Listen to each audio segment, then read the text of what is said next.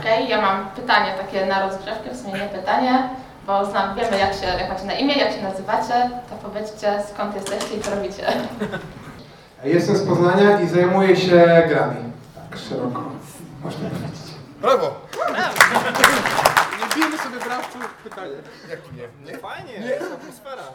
E, Okej, ja jestem z Lublina i projektuję gry teraz. Yy, Jestem z Wrocławia. E, Ja jakby trochę bardziej od strony biznesowej się tymi grami zajmuję, aczkolwiek z Adamem tutaj często pracujemy też nad grami trochę tak dewelopersko, tak więc też coś tam razem robimy.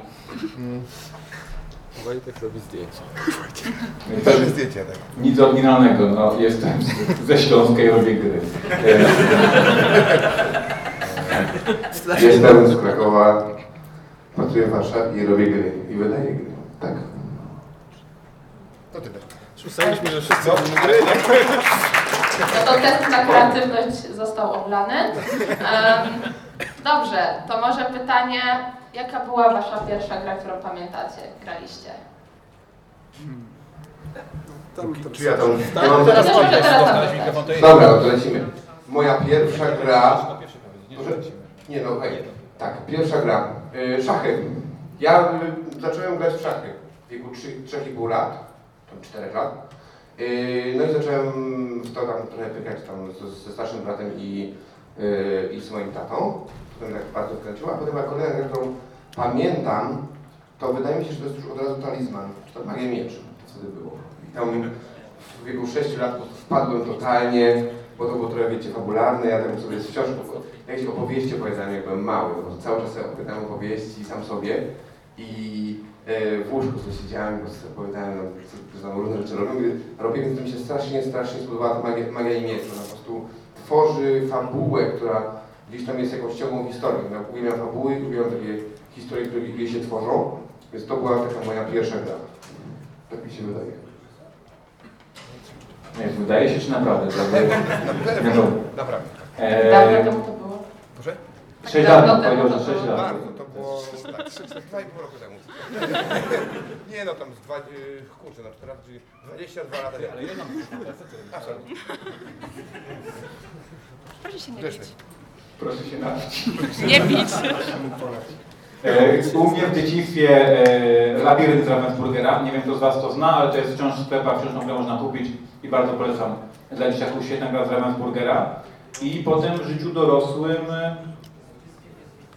bardzo późno zacząłem grać w gry planszowe i to były jakieś gry z Chipas Games podejrzewam, albo Cytadela, albo Dragon, jakoś tak bardzo późno. Mnie ominął cały Magia i Miecz, Szał i tego typu historie. Bo w RPG grałeś. Grałem w RPG, nie grałem, nie grałem w Magię Miecza, więc moje początki są troszeczkę żenujące. Przepraszam. A, Nie wiem czy pierwsza, ale taka, którą najbardziej pamiętam, to jest taka gra, nazywa się Go, japońska gra. Najbardziej pamiętam, bo ją tak dosyć mocno no life nawet poziomu, w którym byłem chyba wicemistrzem Polski, tam do jakichś lat 13 czy coś. I wygrałem trylogię Sienkiewicza. E, Pasuje. no, e, a, bardzo fajna gra. Tak. Są takie szachy, tylko że prawda jest, no nie wiem czy skomplikowana, insze. O. Przeczytałeś? Co? Trylogię. Okej, dobra. Jakbym przeczytał, to nie miał firmy.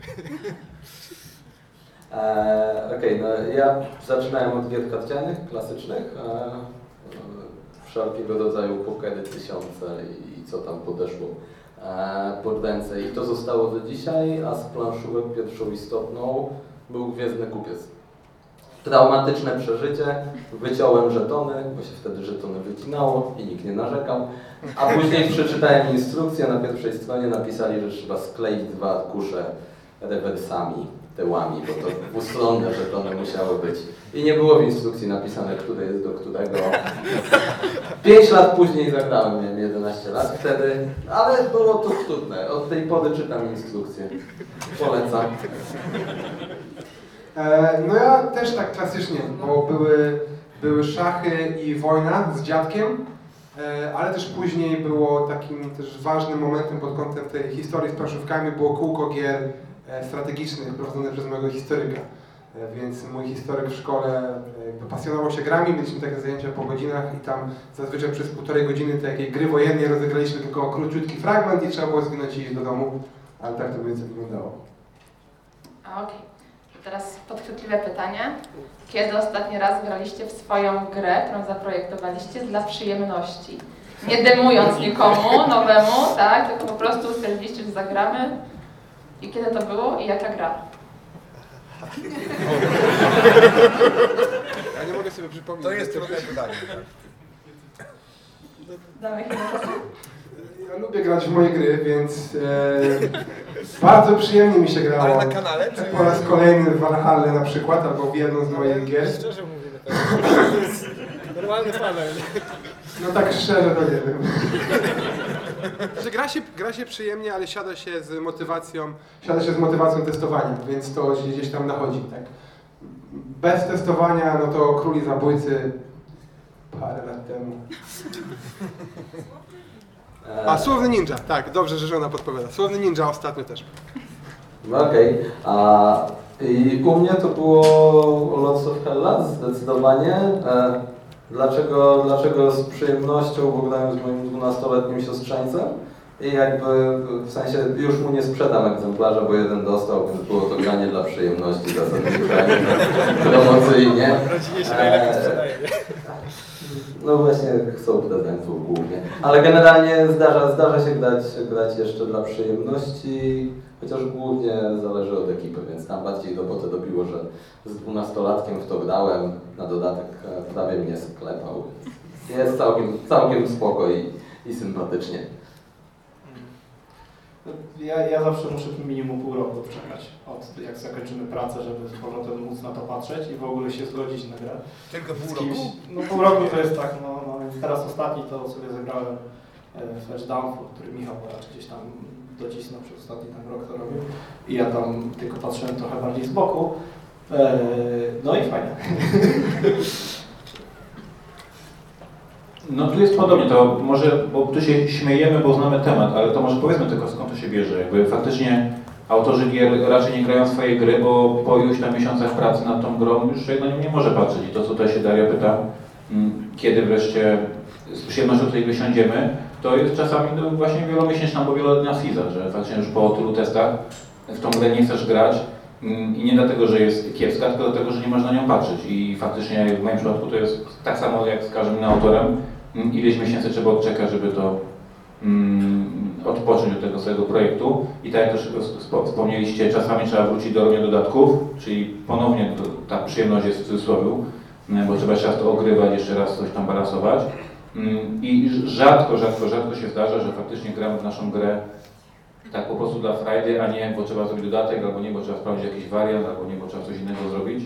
Mm, więc tutaj gdzieś tam bym sobie pewnie coś przypomniał, jakąś rozrywkę w moją grą, która była just for fun, E, ale zazwyczaj for fun się gra w, w gry przyjaciół i naszych wydawców. Tak? Tak. Szczególnie, że, yy, tak może pociągnę tą myśl, tak naprawdę po wydaniu tej gry i grasz, jeżeli grasz w tą grę, to najczęściej ją, grasz w nią na targach, na konwentach, pokazujesz ludziom, więc też wciąż grasz tak naprawdę z jakimś tam z innym zamiarem, nie z zamiarem fanu, tylko z zamiarem sprzedaży trochę tej gry, promocji jej, gdzieś masz w głowie, to nie jest tak, okej, no bawisz się z tym w miarę spoko, to ja bardziej jestem wydawcą tak naprawdę niż twórcą gier. Tam, to, to tworzyłem gier i tworzę dużo gier biznesowych, ale, yy, czyli dla biznesu. Natomiast, natomiast właśnie to jest to, że, że tą grę sprzedajesz potem też, niejako promujesz ją. I to też nie jest do końca taki super, super... Gdzieś tam w głowie z tyłu jest, że tam promuję tą grę. Okej, dziękuję. Jakieś wesołe pytania? Tak, dobra, wesołe pytanie. E, Kto jest waszym królikiem doświadczalnym, takim pierwszym gier? Czy macie takie osoby? To ja zacznę? Moim królikiem pierwszym doświadczalnym i największym, mega super zajebistym krytykiem, a mogę mówić e, brzydkie słowa? Czasem? Przepraszam bardzo, ja też czasem powiem. Jest mój tata, to jest starszy pan e, i testuję na nim zarówno gry biznesowe, jak i gry takie jakieś familijne. Ja tam głównie siedzę familijnych. Teraz już to, to, to, się to zmieni, pewnie. E, Natomiast jest mój, jest mój tata, bo mój tata po prostu siadam sobie z nim i pokazuję mu grę. On to tak niespe- niespecjalnie lubi, ale jak już go tam przycisnę, to wiadomo. Ale e, i wiecie, to jest tak, że siadam z nim i po pierwsze, no, po pierwsze to, to, jest mój, to jest mój tata, więc wiecie, więc on jest ze mną super szczery. E, A po drugie, ja go też znam, widzę tak naprawdę etapy, kiedy on się, kiedy się jemu coś podoba, kiedy nie, a potem on mi, on mi o, o tym bardzo szczerze, szczerze mówi. Więc to jest super. Na, na grach to jest, to jest ekstra, ekstra, bo on też ma masę, y, masę y, wnuków i wiecie, i po prostu on mówi, to się spodoba jej, to się nie spodoba jej, to wyrzuć, to jest za proste, to jest zbyt trudne. Zerwo to jest zbyt trudne.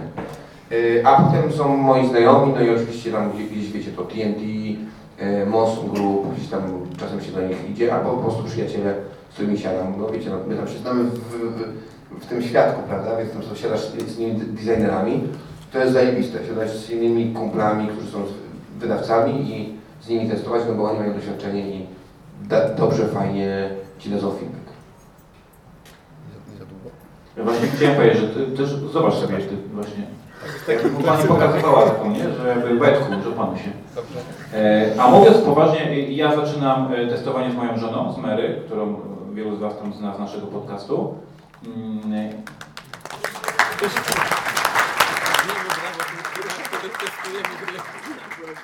No, pięknie pan to jest. Będzie, będzie fakturka, nie ma problemu.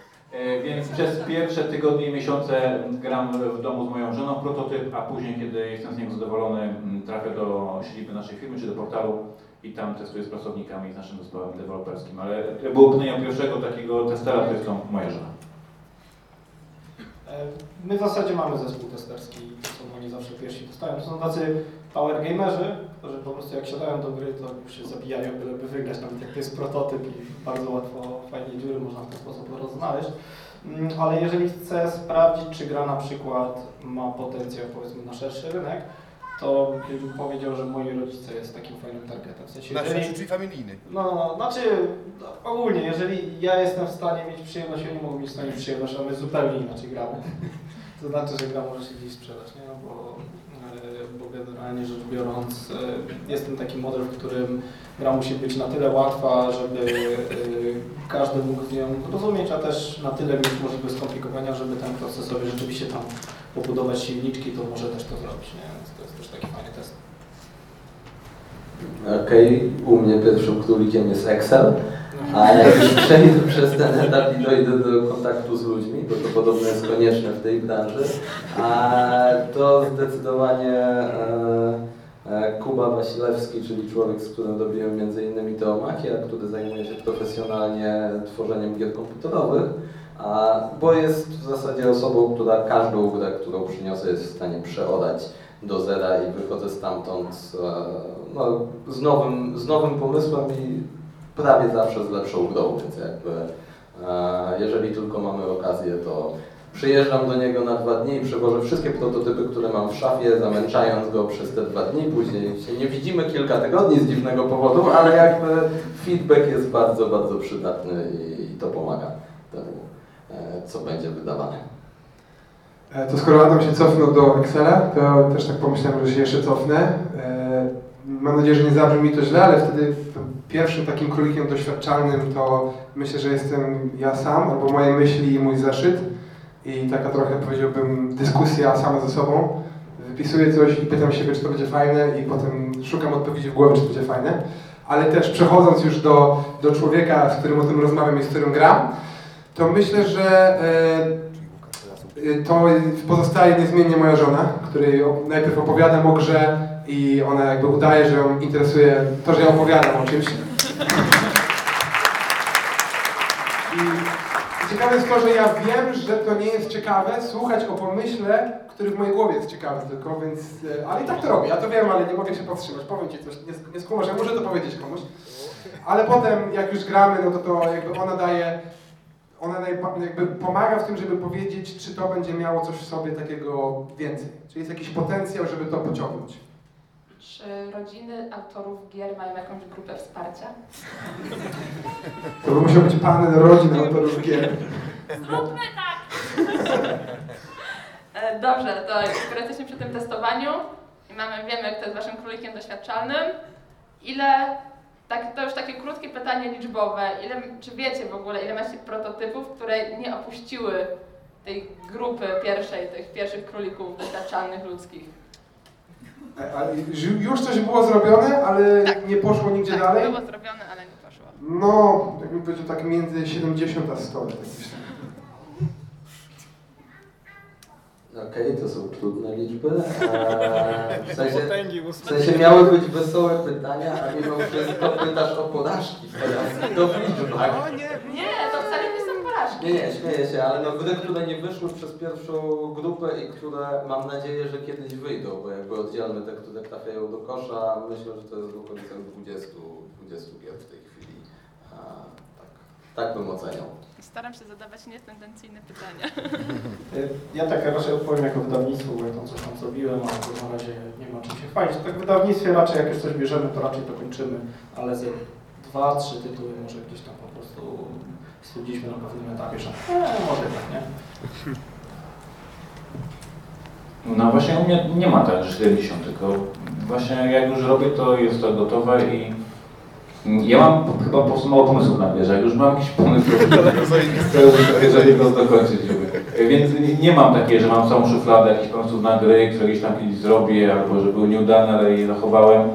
Mm, Ja pracuję bardzo wolno i tak sobie do przodu pracuję i w końcu projekt dokończę. Mm, No to ja mam trochę chyba jak Adam, tak około tam 20-30. Jeszcze więcej mam takie pomysły, które zostały zapisane, a potem e, nie w ogóle nie były testowane. To nie, o tym mówimy, prawda? To takich testowanych tam 20, 30, to jest dużo. Ale tak naprawdę to jest też kwestia, wiecie, to jest kwestia czasu, bo teraz jestem bardziej wydawcą niż e, designerem, więc napinam gry, które po prostu są gdzieś innych autorów. Dzięki. Em, to teraz miałam e, pytanie, czy jeżeli zaczynacie testować, raczej projektować grę, czy macie jakieś swoje rytuały, albo czy macie jakieś takie sytuacje, gdzie nie wiem, gry powstają pod prysznicem w toalecie, przygotowaniu, nie wiem, gdzie wymyślacie swoje gry, czy macie jakieś takie miejsce, czy rytuał, który wam w tym pomaga? N- Nie, to jest stół. To jest stół, komputer i kartki. I tyle. Yy, Ja muszę sobie usiąść, dobra, muszę sobie posprzątać stół i posprzątać w mieszkaniu może trochę. Yy, Ale oprócz tego, yy, to znaczy posprzątać przestrzeń, żeby być zupełnie... Ja się łatwo odrywam od rzeczy, trochę chaotycznych. Dlatego potrzebuję mieć czysty stół, kartki i tylko to, tylko, ty- tylko to na stole, ale oprócz tego nie. Nie, nie, to jest tak. I tam powstaje. To jest bardzo często ja, tak jak mówię, jeżeli ja robię gry bizne- biznesowe, nie wiem, czy to kogoś interesuje, czy nie, ale jak robię gry, gry biznesowe, to tam mam z reguły bardzo konkretne oczekiwania od klienta. E, tak więc biorę sobie tego komputer, patrzę się na te rzeczy, które są e, i potrzebuję po prostu w takim razie te jego potrze- potrzeby wrzucić na kartkę i na pomysły. To są z reguły prostsze rzeczy, bo to wiecie, dla biznesu to mm, uważam, że nie powinno się robić trudnych gier, bo tam ludzie często wiecie, nagrają, to nie są gracze. Więc oni potrzebują prostych zagrać. I tak, czysty stół. Ja, ponieważ pracuję bardzo wolno, jak już wspomniałem wcześniej, jak generalnie robię jedną grę, mm, w- w jednym momencie czasu robię tylko jedną grę, a nie kilka projektów, to ja generalnie po prostu projektuję przez cały czas, więc nie mam tak, że jeśli jest o godzinie 16 gdzieś tam się zamykam, bo siadam, tylko jakby przez ileś miesięcy ta gra gdzieś sobie jest we mnie w głowie i czy jadę samochodem, czy jestem w pracy, czy jestem w domu, gdzieś tam sobie jakieś notatki cały czas robię, więc nie ma takiego jednego miejsca, jest po prostu okres czasu, w którym dane kilka miesięcy jestem skupiony albo na Marysie, albo na Robinsonie, albo czymkolwiek innym i w ciągu całego dnia jakby spływają się tam pomysły są notowane na kartce, więc nie ma takiego jednego miejsca, jest po prostu okres czasu dość intensywnej pracy. Ja tak naprawdę mam dwa takie momenty. Pierwszy moment to jest jak to trochę in, zupełnie dziwny sposób robienia gry, bo ja na przykład spodoba mi się jakiś fajny komponent i chcę wokół tego komponentu zrobić grę, nie? I patrzę przykład, o, składa się fajnie, nie? Żeby to, albo nie wiem, LEDy, wow, fajnie, nie świeci i może coś z tym zrobić. Więc to jest taki moment, kiedy po prostu zobaczę coś, co jest tanie i fajne to potem myślę na przykład o może by to gdzieś zaimplementować.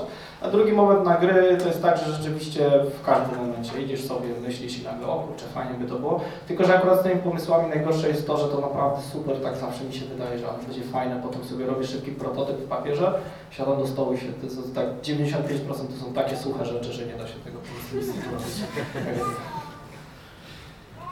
Wszędzie w sumie to jest dobra, dobra odpowiedź, w sensie zdarzyło mi się, nie wiem, wymyślić grę na papierosie, w busie do SN, budząc się w środku nocy i zapisując grę e, z tych, które są wydane.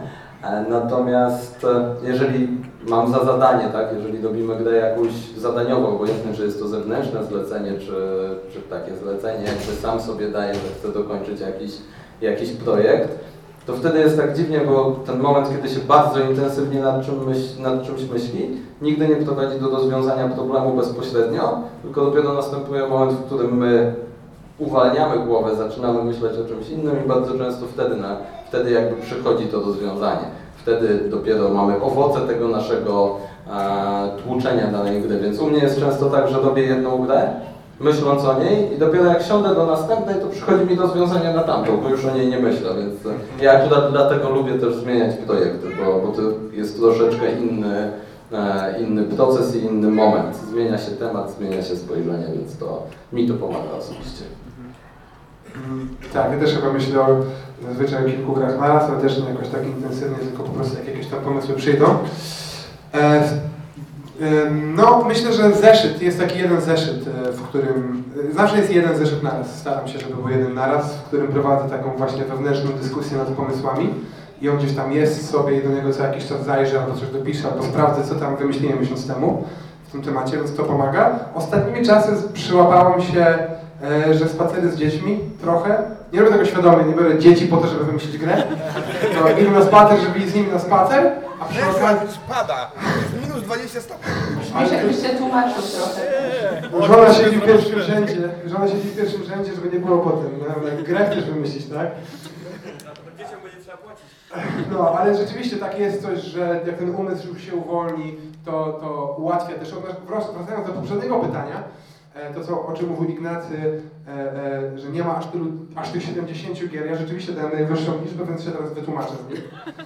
Ja mam najwięcej tych gier i e, takich tam, że zrobiłem i odłożyłem bardzo szybko. E, I to jest, jakby były, powiedziałbym, było kiedyś. Im dalej w las, przynajmniej ja to obserwuję, tym więcej rzeczy w mojej własnej głowie rozwiążę, zanim no, jakby stracę czas, żeby je oddać.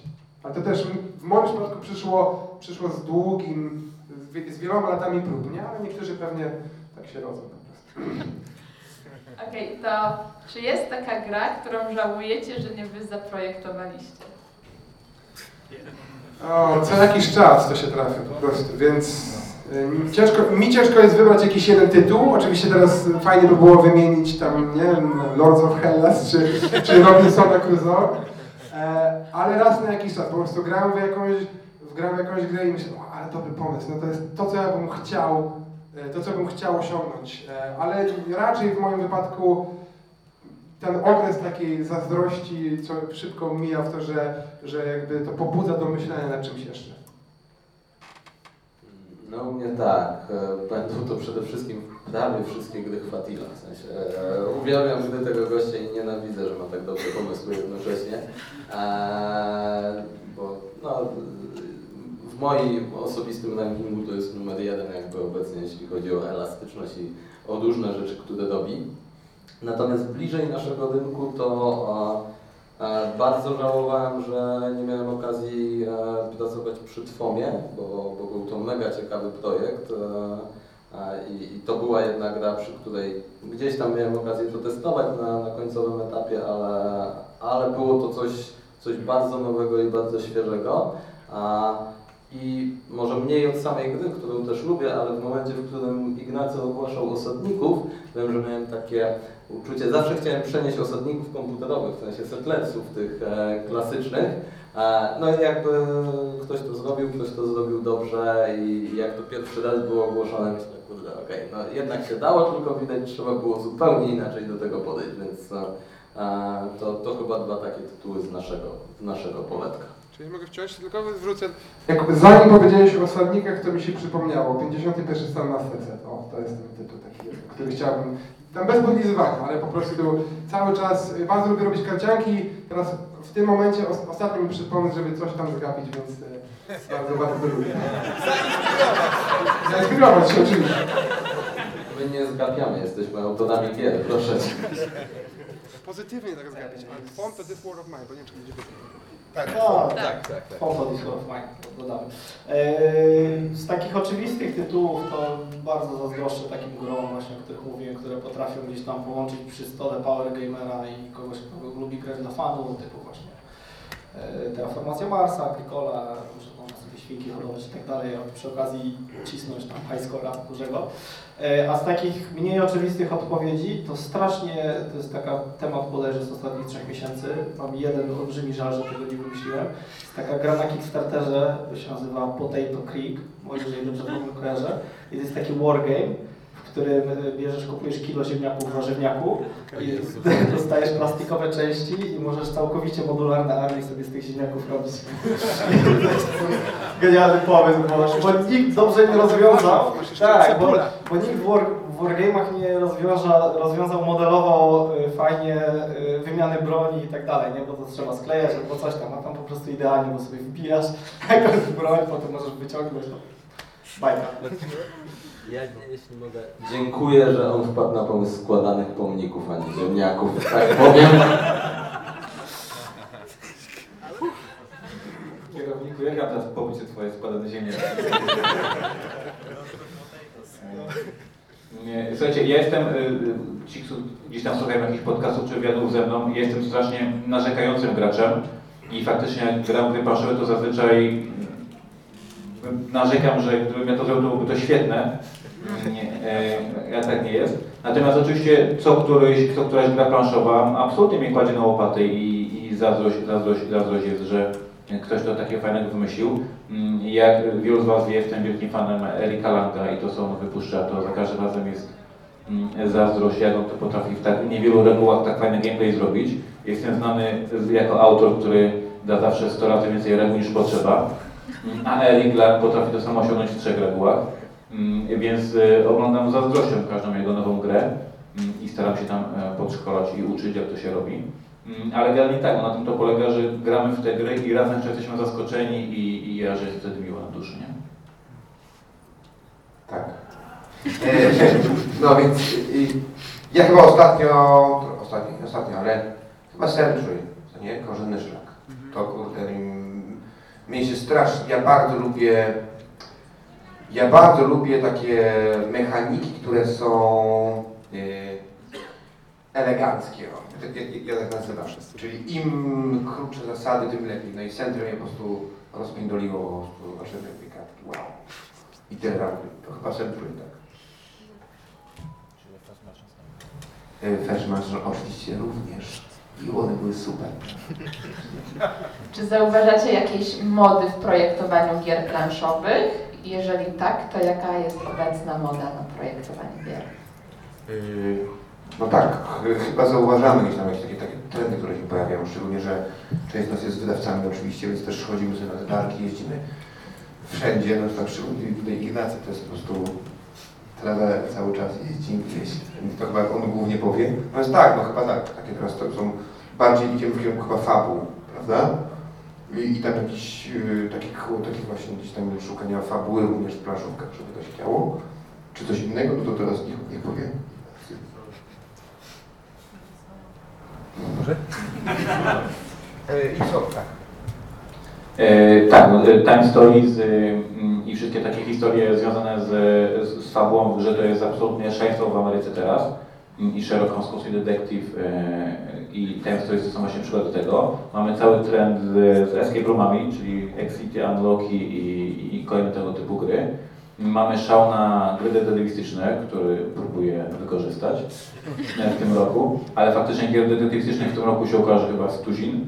Yy, Więc faktycznie jest to też bardzo modne i to jest też troszkę połączone z grami Unlocko podobnymi, czyli rozwiązujemy w ogóle case, rozwiązujemy zagadkę, a to się wszystko wzięło z popularności escape roomów od ostatnich kilku lat na świecie, więc tutaj to można to śmiało yy, po, pooglądać. Mm, No i widzimy także to, co robi Asmodi, czyli upraszczanie gier i faktycznie docieranie do mass marketów i mass mediów i do ludzi, którzy nie są geekami i upraszczanie tych gier. I faktycznie tutaj, jak tu podałeś Splendora, Splendora, tylko Century, ale Splendor też był wcześniej, tak jest, żeby gigantyczne hity, świetne gry, ale bardzo, bardzo proste i, i tutaj też widzimy, że rynek idzie w tym kierunku poszukiwania bardzo fajnych, ciekawych, ale prostych mechanik. Yy, Więc jest się czemu przyglądać i jest się w co wpisywać moim zdaniem. Mm, Tutaj się zgadzam z Ignacym. W zasadzie ja bym dodał może dwie rzeczy. Pierwsza to jest może nie tyle fabuła, co eksploracja. W sensie, że coś robi, coś nowego poznaje co chwilę, jest coś, co mnie zaskakuje, coś świeżego, tak? Czyli tutaj pomijając te wszystkie gry Legacy. Tak, znaczy generalnie, że co chwilę coś, coś mnie zaskakuje, tak? Że o, no jakby już pomijając właśnie te Legacy jednokomponentowe, to takie, które jakby co chwilę zmieniają jakoś w śmieszny sposób e, własne, własne zasady. E, No i drugie, no to jakby taki trend, który chyba zawsze będzie, komponenty, który wydaje mi się, że autorzy nie do końca dostrzegają, a ja uważam, że mają kolosalne znaczenie. Figurki na przykład. Ale jakby figurki e, powiedzmy, że są ciężkie w takim mass markecie, ale jest dużo takich fajnych rzeczy, które można zrobić, które po prostu fajnie wyglądają i po prostu potrafią grę sprzedać poprawnie. Fotosyntezis na przykład, nie wiem, po prostu widzisz e, super rozłożoną grę i to tak ładnie wygląda, że aż ciężko przejść obok tego obojętnie. No okej, było pytanie o trendy. E, Ja generalnie, jak wiecie, przez kilka lat prowadziłem z e, kolegą Michałem Sieńko fabrykę gier historycznych, więc pytanie o trendy gościa, który wydawał gry historyczne w XXI wieku nie jest do końca, e, do końca na miejscu, więc ja nie czuję do końca tych trendów wydawniczych, o których tutaj padło, natomiast bardzo lubię się przyglądać trendom czysto designerskim, w sensie ja sobie rozkładam e, wiele rzeczy tak e, bardzo analitycznie. I wydaje mi się, że mamy trend, który, którego przedstawicielem między innymi jest e, Eric Lang. Ja mówiłem o tym też, e, też trochę wczoraj na prelekcji. Staramy się zamknąć jak najwięcej gry, jak najwięcej jakby istotnych elementów gry, skracając czas zarządzania grą, czyli to wszystko, co tak naprawdę jest przewagą gier komputerowych na przykład, skupiając się na tych najistotniejszych częściach, czyli na wyborach graczy. I sprawiamy, żeby te wybory były stosunkowo proste, ale mające daleko idące konsekwencje, tak? Czyli proste, łatwe zasady w opanowaniu, ale duża głębokość gry, jeśli chodzi o, e, o konsekwencje tego. No, e, jakby i niż chociażby i draft z 4-5 kart jest przykładem tego, jak, e, jak prosty wybór może, może być wyborem jednocześnie głębokim. I to jest jakiś kierunek, wydaje mi się, designerski, w sensie gry, które powstały w 2012-2013 roku, dzisiaj by nie mogły do końca powstać już, bo część z nich była po prostu zbyt skomplikowana, zbyt rozbudowana w niektórych zasadach. Ja już chyba nic inteligentnego nie dodam do tego. E, Zgadzam się z tym. E, Też myślałem o tym, że ogromne, też myślę, że ogromne znaczenie ma historia, ma fabuła, ma ten rozwój, e, minimalizacja zasad, zasad, zgadzam się z tym wszystkim. Myślę, że to może być efektem tego, że po prostu tych gier już jest mnóstwo, a więc ta każda nowa musi się, musi się czymś wyróżnić, musi sprawić, że rzeczywiście łatwo jest w to wejść. A jeżeli to jest kolejna gra, w której muszę się przebić przez właśnie stertę zasad, albo, albo która nie wniesie nic tematycznie nowego, no to jakby po co? To po co? A, Okej, e, padło tutaj o podróżach, jak i poza Pyrkonem oczywiście jest Wasze ulubione wydarzenie. Nie ma takiego. Nie ma. Tylko tylko. Jeździcie gdzieś indziej? Nie. Ja, jakie wydarzenia byście polecili tutaj słuchającym? Ale kon, no, konwen- A czy tak związane tak biznesowo, na jakie, raczej to, to bardziej takie właśnie dla ludzi, tak? Gdzie, gdzie by mogli pojechać, jakby ktoś chciał opuścić tutaj Polskę i wyjechać gdzieś inne targi, to gdzie, dlaczego i dlaczego? No, y, ja bardzo mało jeżdżę, więc się wypowiem. E, nie, ja, y, pa, ja bardzo dobrze wspominam, e, nie byłem na wielu targach za granicą, po, e, ale bardzo dobrze wspominam zawsze Essen. Myślę, że e, z biegiem lat różnie to tą imprezą bywa, ale bywały takie miejsca, takie wyjazdy, że rzeczywiście były trzy dni intensywnego grania podczas targów i potem wieczorami i to było bardzo, bardzo fajne doświadczenie. Ja teraz już wszędzie, bo jak przestałem być wydawcą i jeżdżę już tylko jako autor i nie mam stoiska i tego nie rozstawiam i nie pakuję tych pudeł, jest super. Każdy wyjazd jest super naprawdę, więc e, e, czy, czy to są wyjazdy w Polsce, czy za granicą, e, myślę, że warto takie, takie miejsce odwiedzać, natomiast no, Essen z perspektywy wydawcy nie jest tak sympatyczny i miłe, jest po prostu kawałem e, ciężkiej, ciężkiej czterodniowej pracy. E, w innych warunkach super sprawa, fajnie odwiedzić. Ja się z Tobą zgadzam. Generalnie też mieliśmy dużo przygód ze stoiskami. Eee, no w zasadzie to tylko na scenie mówię. Ciężko ciężko mi cokolwiek powiedzieć, ale, ale jest na pewno fajnie dużo. Najfajniejsze w Asen jest to, że tam faktycznie są ludzie, którzy te gry robią, wydawcy, tacy wiecie, ludzi, których normalnie nie miałbyś szans poznać, czy to z perspektywy biznesowej, czy to z perspektywy po prostu fana. I oni tam naprawdę siedzą i grają z tymi ludźmi. To nie jest tak, że tam są jakieś zamknięte wibrumy, tylko oni chodzą i, i można pogadać, pograć, ponaszekać komuś na grę. No ja przede wszystkim zapraszam wszystkich na Pionka, czyli imprezę, którą robię w. To też zaproszę jeszcze raz. Na początku czerwca na Śląsku i to jest impreza, która jest jednym wielkim, gigantycznym games roomem. Czyli cała jej koncepcja jest taka, że udostępniamy bibliotekę gier i po prostu sobie gracie. 9 czerwca się odbywa. ona. E, A E, więc to jest lokalnie i lokalnie po prostu świetny moment do pogrania w gry planszowe wszelkiej maści. No i wspomniane Essen faktycznie, e, moim zdaniem Mekka planszomaniaków i każdy planszomaniak powinien też raz do Essen pojechać, wydać dużo euro, przywieźć dużo gier i zobaczyć wszystko, wziąć sobie selfie, zrobić z autorami gier i to po prostu przeżyć. I faktycznie Essen wydaje mi się być takim obowiązkową wycieczką dla każdego z Was, jeśli lubicie gry planszowe. A o tych wszystkich tysiącu konwentów innych, które odwiedziłem, to szkoda gadać, bo to jest po prostu masakra. Na dużo tego. Dobra, to słuchajcie, bardzo, myślę, że bardzo fajnym e, jednym wydarzeniem to jest pionek 9 czerwca. E, I co? Nie czerwca. Czerwca, tak. dokładnie. Czerwca. Nie, tam polecam serdecznie. To jest bardzo fajne. To jest tak. Tam jest kilku designerów, przyjeżdża i to organizuje taki Ignacy Trzewicza, więc możecie tam przyjść i sobie wziąć autograf. E, No wiadomo, o tym nie będę gadał. Ja sam strasznie już tak osobiście, no okej, biznesowo też, bo jestem frankofony, chcę mówię po francusku, więc ja bym polecę, polecę w takim razie tak oryginalnie Cannes, Ale jeśli znają francuski. jeżeli znacie francuski. E, jeżeli nie, no to nie, no to będziecie na mnie patrzeć na tych Francuzów. E, tak, jest dramat niby, ale... ale no, Przepraszam Pawła, ale jakby ostrzeżenie, bo jak on poleca, ja muszę was ostrzec. Ja byłem w zeszłym roku na kanał jako gość konwentu zaproszony. Miałem swój stoliczek, byłem miał z żoną, miałem grę i miałem rozdawać autografy i być gościem. Za każdym razem, jak ktoś do mnie podchodził, ja mówiłem hi, how are you, to oni, o nie, i uciekali. O, I tam nikt nie mówi po angielsku, to jest masakra. Okej, dobra, to prawda, policjanci są Francuzi, są dość takimi... No. Tak, oni często mówią, oni często mówią how are you, albo are you happy, albo are you angry.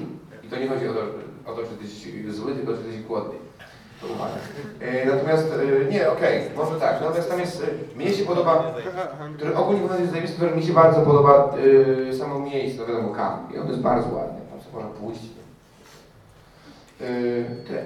Dobry, to wyjazdów, targów, prezentowania Waszych gier na targach różnych, czy to na Polsce, czy za granicą, jakie jest Wasze myśli, uczucia przed tym pierwszym eventem, na którym jest załóżmy premiera gry i pierwszy raz pokazujecie i możecie mieć styczność właśnie z klientami i tak dalej. Jak do tego podchodzicie, jak się przygotowujecie? Jako wydawca, czy jako autor? Tak. Tak. Eee, tak więc, e, no jako autor to chyba bardziej będą ludzie, ostatnio wydawali jakieś takie poważniejsze tytuły, czyli myślę, myślę że tam powie Ignacy i Adaś i tam inni. To jest, jako, tak. Natomiast, e, natomiast słuchajcie, jeśli chodzi o, o wydawcę, no to to jest, kurde wiecie, to jest, to jest część twojej roboty, no. Ja akurat wydawałem masę, miliony gier, więc wiecie, to tam, to ten Foxer mnie po prostu dociskał, bo tam było, był, był duży plan do wydania. Yy, na Wiśle to było tak, że to była gra, gra, gra, gra i tam któraś, bierzemy którąś z gier, uwaga, konwent, tak, ta, ta gra, okej, ta gra jest teraz właśnie wyszła, dobra, no to bierzemy ją i, i ona będzie. No okej, tak, tam czasem były tam jakieś plany, co będziemy promowali. No i wtedy to jest po prostu, wiecie, no ciężka robota. To, to, to, to nie są to, to jest tak, że czy to pyknie, czy nie pyknie, to już tam trochę sobie myślę, wiesz wcześniej. Yy, ale po prostu nie, no, bardziej chyba udaje ma takie skupienie, taki fokus na tym, żeby wszystko dopiąć, zaprosić, auto, zaprosić recenzentów, blogerów i e, gdzieś tam zrobić jakiś hype dookoła tego, no bo to jest ciężka robota i tyle. To nie ma jakichś, jakichś strasznych, przynajmniej ja tak nie mam, bo ja podchodzę do gier nie, ja podchodzę do gier jako do produktów, nie, nie do jako takich moich dzieciaczków. No, troszkę tak, ale no, tak, tak się nauczyłem. Teraz będzie inaczej. No. Nie będzie smutno, tak. Y, tak, ja jestem w podwójnej roli, bo jak, że i wydawca i autor, prawda, że tak. Y, więc ja jak i mam premierę na GenConie albo na SM, to jako wydawca zainwestowałem dużo pieniążków i dobrze by się te pieniążki zwróciły, a jako autor jest to gra, którą spędziłem rok czasu i fajnie by się ona komuś spodobała. Mm, I mało kto w to wierzy, bo ja jak z fanami rozmawiam, pamiętam rok 2014, y, na GenConie premiera Imperial Settersów, ja byłem e, tam na Rzymkonie już kilka dni wcześniej i ci różni fani portalu, którzy tam się wokół mnie kręcili, recenzenci i mówili, że będzie super, oni już grą grę grali, będzie sukces, nie będą się niczym martwić. A ja mówię, no zobaczymy, zobaczymy jak będzie. I oni myśleli, że tak dworuje troszeczkę, tak udaje, ale dobrze wiem, że to się sprzedało, że, że wiem, że to jest sukces. Nie, naprawdę, autor to póki nie ma tego feedbacku, że to ruszyło, że ludzie chwalą, to nie my. Nigdy tego nie wiesz, bo każdy raz, kiedy robisz grę planszową, jesteś przekonany, że to jest świetna gra planszowa, że będzie sukces i potem jest flip the coin. Jakby ja z jednej strony jestem Robinsonem Crusoe, dziękuję za, za, za, za miłe słowo tej grze, ale też zrobiłem Rattle Battle Crab Deluxe, nie wiem, czy o tej grze słyszał, ale to jest podobno straszny krab. Według, według, według, was. I ja w obydwie dwie gry bardzo wierzyłem, obydwu myślałem, że będzie sukces, no w obydwoma jechałem na targi licząc, że będzie wielka sprzedaż i Robinson faktycznie zażarł i ustawił całą moją firmę, a Rattle Battle do dzisiaj sprzedajemy, tak? Więc jest to gigantyczny stres. Te pierwsze godziny, jak jest otwarcie konwentu i, i ruszają te tłumy i widzisz tłum iluś tysięcy ludzi, którzy biega na halę i patrzysz, gdzie lecą. I, albo są do fotosyntezy, albo są do First Martians, albo są gdzieś jeszcze indziej takie, bo to są po prostu takie, takie, takie historie. Więc to gigantyczny stres i z powodów finansowych i emocjonalnych. I nigdy ten autor naprawdę nie wie, bo autor zawsze jest pewien, że zrobił coś świetnego, a potem rynek to wali go w czachę albo nie. Ale jak z umowami, kiedy już masz część podpisanych wcześniej, prawda? Bo masz tak. Do niektórych gier miałem podpisaną umowę zanim były gry wydane i bardzo liczyłem, żeby nie zawieść tych moich partnerów, nie? Ale dalej był, dalej, dalej, dalej, dalej był gigantyczny stres, e, bo budujesz rynek pamiętam. Może trochę z innej perspektywy, bo my głównie wydajemy na Kickstarterze gry. A, I tak naprawdę mamy tutaj takie dwa momenty. No, mamy takie dwa momenty stresu w sobie. Raz to kampania, nie? Bo na kampanii trzeba fajnie obiecać. A, a potem dwa, jak te gry zaczynają do ludzi wychodzić. I ja już potem mam tak, że następnego dnia jestem na BGG i F5, nie? I o, wpadnie jakaś recenzja, zaraz zobaczymy, kto co napisze, nie? Yy, bardzo stresujące oba momenty i wydaje mi się, że chyba takim, mm, to co Ignacy powiedział, yy, ja mam dokładnie to samo, a nawet nie wiem czy nie gorzej, bo jak długo nad czymś pracujesz, to ja jedyne potem co widzę to dziury i luki, tylko błędy, tego co nie zdążyliśmy zrobić. Bo, bo umówmy się, nigdy nie da się zrobić gry na 100%. W pewnym momencie musisz powiedzieć koniec, to idzie do ludzi, nie? Tylko, że ty, ty zdajesz sobie sprawę, zdajesz sobie sprawę, ile tam jeszcze rzeczy nie działa i tylko podnieść się, żeby nikt nie zauważył na przykład, albo, yy, albo, albo po prostu ludziom nie przeszkadzało, bo często jest tak, że są rzeczy, które tobie po, nie wiem, tysiącu grach wydaje ci się, że Jezus Maria, no jak to jeszcze tam może być, a potem się okazuje, że jak ktoś w to gra, to w ogóle tego nie super, nie? E, jeszcze korzystając z możliwości autopromocji e, do wcześniejszego pytania, będziemy... E, No prawie. Będziemy we Wrocławiu otwierać pub z grami planszowymi na rynku. E, za niedługo się informacje pojawią, tak więc na pewno będzie to fajne e, też event. A Też dwie. E, Tak, tak, tak. Michał Rasz też będzie, Anama prosimy, Ignaca też postaram. Wszystkich tutaj spróbujemy zaprosić, ale pewnie nie przyjdą. Właśnie dostaliście zaproszenie na imprezę. Tak. Także Tak. Generalnie opłacało się wpaść na panel. E, Open bar?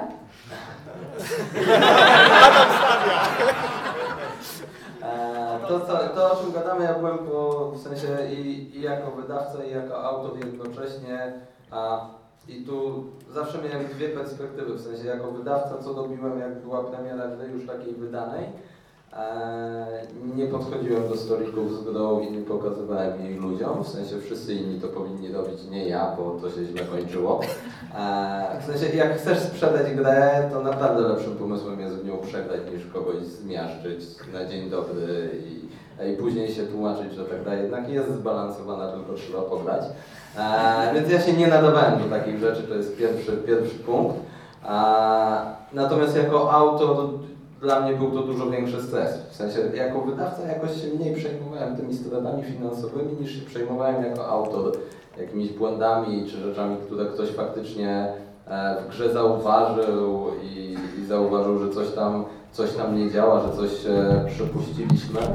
A Kickstarter tutaj akurat mam trochę pewnie inaczej niż, e, niż Marcin, bo samo odpalenie Kickstartera mnie osobiście stresuje dużo mniej, bo strasznie jestem pewien, że oni wiedzą co robią generalnie i w ogóle partnerzy, z którymi pracuję, że wiedzą co robią. A, natomiast mam mega stres, kiedy gra dociera i kiedy pojawiają się pierwsze recenzje. Bo umówmy się, Kickstarter sprawdza ich, nie mnie. W sensie Kickstarter to jest test ich jako wydawcy, tak? A mój test przychodzi, kiedy ludzie zaczynają na poważnie grać w grę i, e, i tam tak naprawdę jest, e, jest ten stres. On jest trochę bardziej rozłożony w czasie dla mnie, ale to uczucie, że się zrobiło dobrą robotę i nie zawiodło ludzi, którzy zapłacili spore pieniądze wcześniej, no tak, to jest, to jest fajne i, i przypuszczam, że w drugą stronę jest to bardzo niefajne, jeśli się zdarzy, że, e, że ludzie są zawiedzeni, że dostali co innego. E, No, ja odpowiem na to pytanie, e, jak się czuję, jak już te, znaczy teraz jestem przed, że tak powiem. No, akurat w kontekście wydawniczo-autorskim jestem przed tym momentem, kiedy gracze dostaną tę grę. W przypadku moim jest to Valhalla. E, I, i, no i zobaczymy, jak to odbiorą. Stresuję się, mi, mi się tak naprawdę bardzo podoba, ale stresuję się rzeczywiście, czy, czy też taki będzie odbiór graczy i na tym na pewno bardziej mi zależy niż na tym wątku właśnie wydawniczym. Okej, jak już jesteśmy przy tym crowdfundingu, tutaj pytanie właśnie było do Wojtka, ale Wojtek sobie poszedł. Wreszcie do Wojtka i Ignacego, ale zaczniemy od Ignacego, bo to, że Wam crowdfunding pomaga i go lubicie, to nie można tutaj zaprzeczać, tak? Ale do tego jeszcze wrócimy. Jak z perspektywy wydawnictwa, które funkcjonowało bez crowdfundingu przez długi czas i funkcjonowało z sukcesem, co ten crowdfunding zmienił i jak się do niego ustosunkować? Znaczy crowdfunding zmienił całą branżę faktycznie i w zeszłym roku, ja ten pisałem artykuł w tym roku, w zeszłym roku mm, i Gloomhaven i Seven Continent, dwie najgłośniejsze gry minionego roku, to były gry y, z Kickstartera. I one dały takiego stryczka w nos mm, i portalowi, i Asmodee, i FFG, i każdemu innemu, że dwie najbardziej dyskutowane gry nie były stworzone przez FFG albo przez Asmodee, tylko przez ludzi, którzy mieli swoje małe wydawnictwa i nagle zrobili gigantyczną firmę m, w oparciu o grę. Więc ja Kickstarterowi się przyglądam coraz bardziej i przyznaję, że kilka lat temu uważałem to jaką taką faktycznie miejsce, gdzie jest bardzo dużo projektów, z których większość jest pewnie jakichś bardzo szalonych i być może jest tam coś ciekawego. Kilka gier sparłem i w większości byłem zawiedziony i przestałem się zaj- zajmować Kickstarterem, ale lata się zmieniają. Kickstarter bardzo dorósł, spoważniał. I albo są firmy gigantyczne jak Cool Me or Not, które zbudowały cały sukces na, na tym. Awaken Dreams rośnie na drożdżach z kolejnymi sukcesami i to już nie jest platforma, gdzie kilku szaleńców coś tam sobie próbuje zrobić, tylko oprócz tych szaleńców są bardzo poważne albo biznesy, jak Cool Me or Not czy Awaken Dreams, albo indie deweloperzy, którzy pokazują, że potrafią zrobić coś lepszego niż ci established dystrybutorzy i wydawcy jak, jak FFG, Asmodee, czy choćby Portal Games. Mm, Więc ja się temu przyglądam teraz ze znacznie większą uwagą niż to miało miejsce w minionych latach Mm, i uważam, że cała branża powinna się przyżyć, co Kickstarter znaczy, ponieważ ilość klientów, którzy są na Kickstarterze w dzisiejszych czasach jest gigantyczna. Nie wiem, czy wiesz, jak Ci nie było, to to pytanie także było do Ciebie. Chodzi o Kickstartera, tak? Oczywiście. Crowdfunding Tak. w ogóle. No, jak będę specjalistą, to będę mówił o tym więcej. Teraz jestem jeszcze na razie nie jakąś wielkim.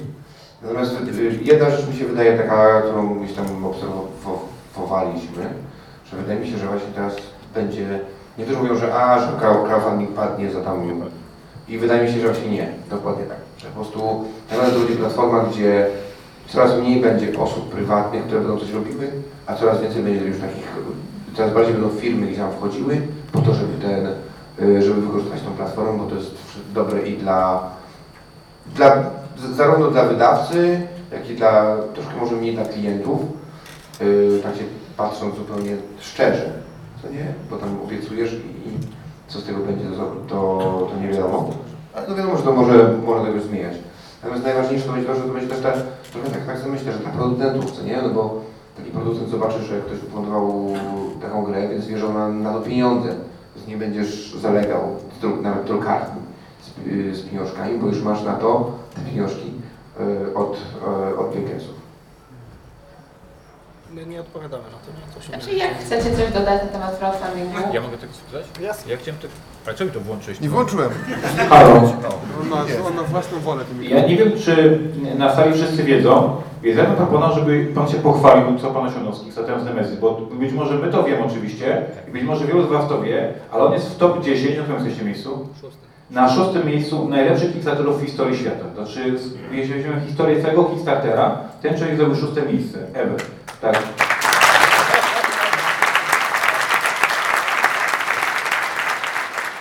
Jak się gra, to spadamy. To też trzeba dodać. Ile to było? 12 minut? 15 zł, jeżeli przejdziemy na złotówki. Mi, mi, Ile minut? A minut, a ufundowania. Nie wiem, to jest strasznie, strasznie dziwne, zawsze się odpala i tak. Yy, Generalnie crowdfunding jest bardzo ciekawy. W sensie ciekawy na tyle, że mi się wydaje, że on o tyle odpowiada, w sensie o tyle on zostanie w takich grach mega mm, wyspecjalizowanych, takich cięższych, bardziej nerdowskich, ale jeżeli chodzi o takie gry marketowe, to, w ogóle nie ma tematu, prawda? Jeżeli mamy jakieś Agricole, Seven Continent, Siedem Cudów Świata, przepraszam, i tak dalej, które się sprzedają tam w nakładach set tysięcy lub milionów, e, to w ogóle podejrzewam, że to tam nie ma, nie ma co, co rozmawiać, ale ogólnie rzecz biorąc, e, ja zawsze chwalę ten model, w sensie on ma ultra dużo niefajnych rzeczy, momentów typu na przykład opóźnienia, e, które są po prostu notoryczne i my też tak samo się opóźniamy z dostarczeniem gier i tak dalej, ale ostatecznie zazwyczaj ludzie dostają e, więcej tego produktu i przede wszystkim jedna duża rzecz, te produkty by nigdy nie powstały na zwykłym rynku. Nikt by, jakby ktoś przyszedł z takim pomysłem jak Kingdom Death Monster, najbardziej ufundowany Kickstarter na świecie, gdzie Corebox kosztuje 1000 dolarów i, poszedłbyś do wydawcy i powiedział, hej słuchaj, zrobimy grę, która będzie kosztować 1000 dolarów MSRP, no to, to, to, to generalnie podejrzewam, że, y, że nie byłoby po prostu szans. Y, I to w ogóle pokazuje, że jest miejsce na pewne rzeczy, że ludzie by to chcieli kupić, I, I to jest mega fajne, w sensie, że to nie o to chodzi, że to już jakby biznesowo wychodzi, nie wychodzi i tak dalej, bo, bo mimo wszystko z tego co ja wiem, to, to nie jest też tak, że te wszystkie firmy na Kickstarterze to super przędzą, zarabiają i tak dalej, bo to co, to co wszyscy widzą, to widzą przychody, a nikt nie widzi zysku, a to jest duża różnica, nie? W sensie, jak dużo zbierasz pieniędzy fajnie, ale to potem trzeba wyprodukować, wysłać, popłacić i tak dalej, i tak dalej, więc to nie, nie jest wiadomo e, takiego rezultatu, ale przede wszystkim to jest to, że to po prostu zmienia rynek, to co Ignacy powiedział, że tam są po prostu, powstają projekty, których nikt nigdy by nie odpalił na normalnym rynku i to jest moim zdaniem bajka. Albo nikt nie odpaliłby w tej formie, tak? To zdecydowanie. E, Ja tylko tak trochę do Ignacego, bo Ignacy powiedział, że kiedyś to byli na Kickstarterze szaleńcy, a teraz nie. E, Pracuję z Marcinem, to tak nie działa, w sensie to jest bardzo racjonalne, co robi, ale nie nazwałbym e, tego nieszalonym, absolutnie. Wiecie, wysyłanie do recenzentów pudełka ze świecącym LEDem pod spodem. Jednak lepiej. E, jakby no... E, to, Czyli pewne rzeczy się nie zmieniają, niezależnie od branży, jak zaczynasz kleisz sam, nie? E, ale, ale Kickstarter faktycznie daje strasznie, strasznie dużą bezpośredniość w kontakcie z klientem i to, no to zmienia na relacje od strony wydawcy, od strony autora, e, przestaje się być e, anonimowym. Mm, Szczególnie jest to istotne przy dużych firmach, tak? Jak już mówimy o e, chociażby Asmodee, no to tam jakby przeciętny gracz nie wie, kto to, kto jest tym Asmodee, co się za tym, za tym kryje. W sensie tam się wszystko kryje teraz prawie, ale generalnie z nazwiska ciężko wymienić. A na Kickstarterze to jest konkretna osoba, tak, której historię jakoś tam często tą wydawniczą możemy prześledzić i tak dalej. Więc e, to jest strasznie, strasznie fajne i mam wrażenie, że często wspiera się równie mocno projekt co osobę, a częściej nawet właśnie osobę, która nie wiem, reprezentuje na przykład wydawcę. Tak? To, to na Kickstarterze jest, jest coś, co na rynku tak naprawdę funkcjonuje tylko w troszkę jednak mniejszych firmach, nie, nie przy gigantach. Pytanie jest o crowdfunding, tak? E, no, zgadzam się z przedmówcami, że to zmienia rynek. E, zgadzam się też z tym, co... nie? Wszyscy się zgadzają. Tak, tak, tak. Ja tu chyba, e, to znaczy to jest, to jest rzeczywiście e, daje możliwość zaistnienia firmom i e, jakby i e, projektom, które by nie powstały w, w innym wypadku. Daje szansę trochę zaryzykować, daje szansę stworzyć coś e, właśnie poza schematami i też myślę, że jest e, e, rozwiąz- rozwiązaniem, jest czymś, czego istnienie i czego taki rozwój daje nadzieję w obliczu tego, że jakby ten rynek się mimo wszystko, ten klasyczny wydawniczy jednoczy pod jakimś tam sztandarem i, i jakaś tam jest jedna firma, która wszystkich wykupuje. E, Więc jest, e, to pozwala istnieć, nie? pozwala istnieć konkurencji, pozwala powstawać nowym projektom. E, To jest wciąż e, hobby, gdzie gra- gracze współtworzą, wpływają na ten projekt, mają swoje, ich głos jest jakby ważny. I to myślę, że jest e, ogromne ryzyko, gdy wchodzimy z takim projektem, ale też jest, e, daje ogromne możliwości. Nie wiem, co powiedzieć, czy nie. Nie wiem, co chce mówić Wojtek, ale daje mi Niech znaki powie. dymne. To niech powie. Niech powie. Trudno No i jest znowu wyjdziesz. Już go nie powstrzymamy. To nie, no to, to taki przykład tego Hard City, który żeśmy teraz, teraz pyknęli, bo to właśnie to jest tak, że myśmy go zamknęli dlatego, że ludzie mówili, że są kołpa i są. I myśmy postanowili, że my przedłużymy, że my zamkniemy, chociaż żeśmy ufundowali, ale pójdziemy dalej po to, żeby y, przedłużymy go po to, development, żeby był, był ten kołop i solo. To ja dodam, może trochę nieładnie teraz, e, ale e, kiedyś, kiedyś mój taki kumpel z czasów RPG-ów mówił, że mistrz gry to jest, e, tak nawiążę trochę do tego, to jest taki człowiek, który przez kilka godzin na sesji robi graczom dobrze ustami. I to jest fajne określenie mistrza gry i Kickstarter troszeczkę jednak też stawia nas jako twórców w takiej roli, więc trzeba się z tym zgodzić. Jeżeli idziemy na Kickstartera, to nie mamy do końca tego luksusu, żeby nie słuchać e, ludzi i zamknąć się a, zupełnie na to, co mówią. I ze strony zarówno wydawcy, jak i autora to jest, to jest też trudne. To jest pewne wyzwanie, żeby no, przyjmować ten feedback na klatę, bo, a, bo normalnie autorzy są strasznie oporni na feedback. Tak? Jakoś mamy i, e. E, I to jest ciężka, pod tym względem ciężka, ciężka sprawa, więc trzeba się pogodzić z tym, że tam już robimy grę dla ludzi, nie dla wydawcy, nie dla innej firmy, tylko bezpośrednio jakby dla, e, dla konkretnych osób, tak, które czegoś chcą. Okej, ostatnie pytanie ode mnie i będziemy mogli zadać właśnie pytania z sali. Co sądzicie o grach, które są na licencjach seriali, filmów, książek? E, Czy to się sprawdza aktualnie, czy nie? I czy, I czy jest jakiś taki świat, w którym wy byście chcieli zrobić grę wymarzony? Jeden. Jeden. Kto się nie musi zastanowić? No ja mogę powiedzieć. Znaczy, ja bym nie wziął żadnej licencji już. y, Z jednego prostego powodu, bo masz ryzyko. Wydaje mi się, że ludzie sobie nie zdają sprawy, ale największe ryzyko, które ci ograniczy kreatywność. W sensie mam znajomego, który właśnie robił kampanię, nie będę tam po imieniu ale generalnie y, mieli olbrzymi problem. Zrobili grę, ludzie im ją zaakceptowali, potem się zmienili ludzie i, i musieli robić od nowa rok pracy do kosza całkowicie. E, Bo problem polega na tym, że gry planszowe to jest na tyle nisza, że ja podejrzewam, że jakieś franczyzy takie duże więcej zarabiają na kubkach, pluszakach i tam nikt się nie będzie sprawdzał. Jeżeli oni zobaczą chociaż, że mają pierwiastek ryzyka narażenia na branda, to im to po prostu ucinają, nie? i w ogóle nie ma dyskusji. Ciężki temat. Ja, by, ja się po prostu boję tego, że w pewnym momencie by to ograniczyło kreatywność i tyle, nie? E, Ale jakbym mógł zrobić, No. e, to bardzo mocno bym zrobił e, jakąś mobę, w sensie Dota 2, bo osobiście lubię grać, bo uważam, że nikt jeszcze nie zrobił dobrej, a można. Ja uwielbiam generalnie e, jakby, no wszyscy wywodzimy się trochę z jednego, powiedzmy, fantastycznego e, środowiska. Mam jeden tytuł, który leży w szufladzie, dawno, dawno temu robione, na licencji, która pewnie nawet nie jest jakoś szczególnie dzisiaj wartościowa. Był taki serial lata temu Robin z Sherwood. Eee, I jest gdzieś gra, którą, którą popełniłem z kumplami na ten temat, więc e, kto wie, może kiedyś, e, kiedyś gdzieś, gdzieś się uda to wydać.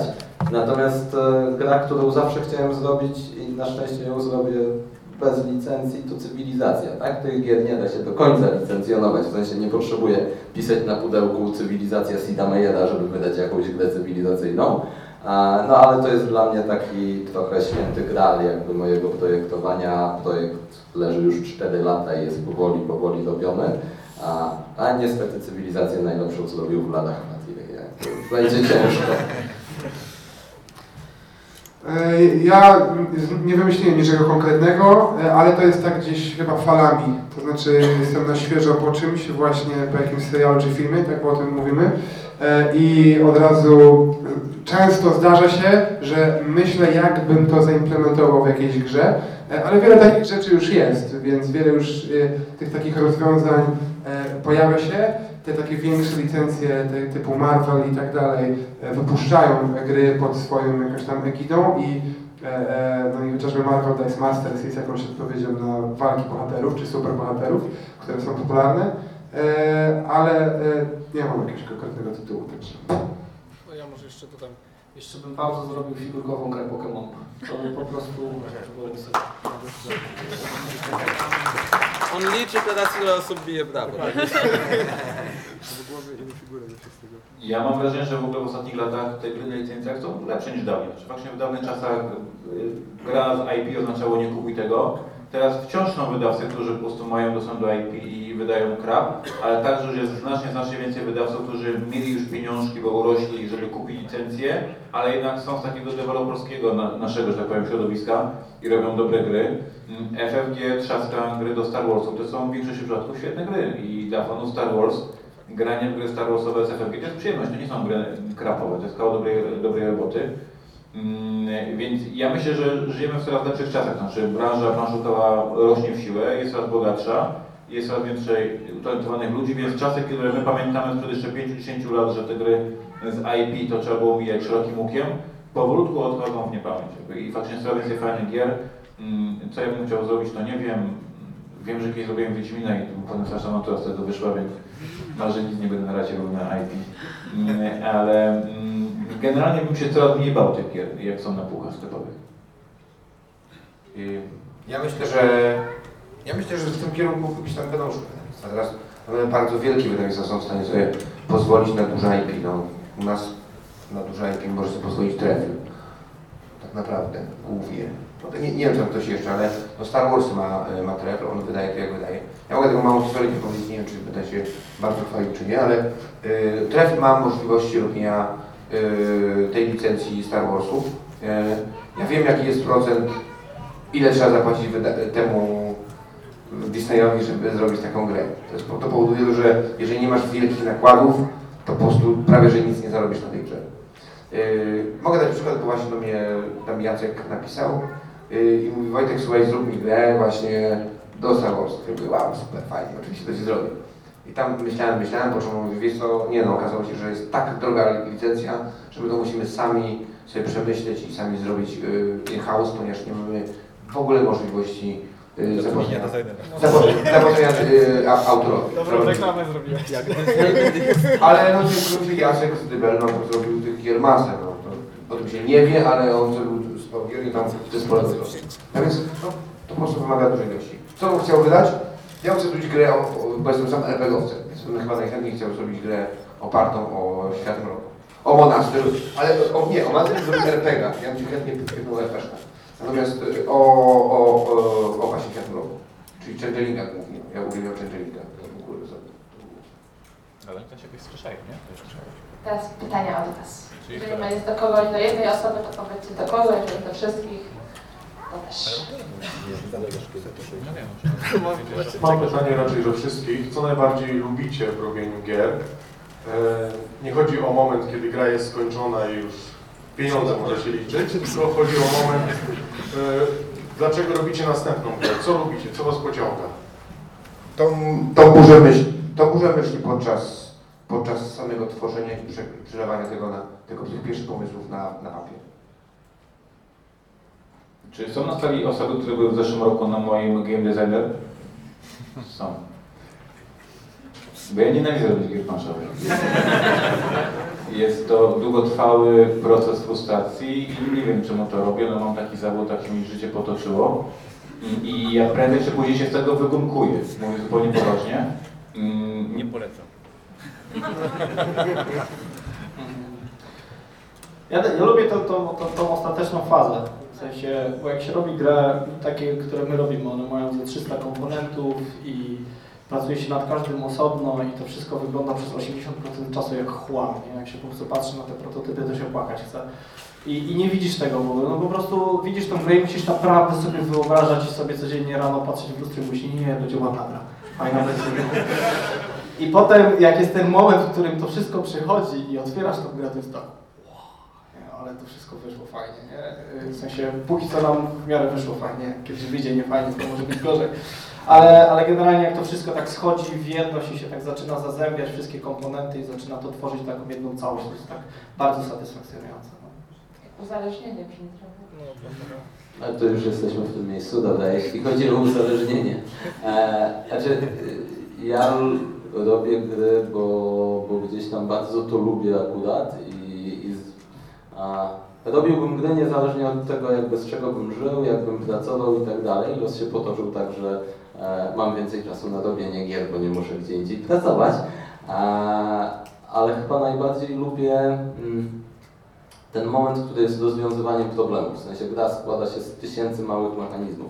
Mnie zupełnie nie interesuje, jak ona wygląda. Cieszę się, że wygląda ładnie dzięki lepszym ludziom ode mnie w tym, co e, jeśli chodzi o wydawanie.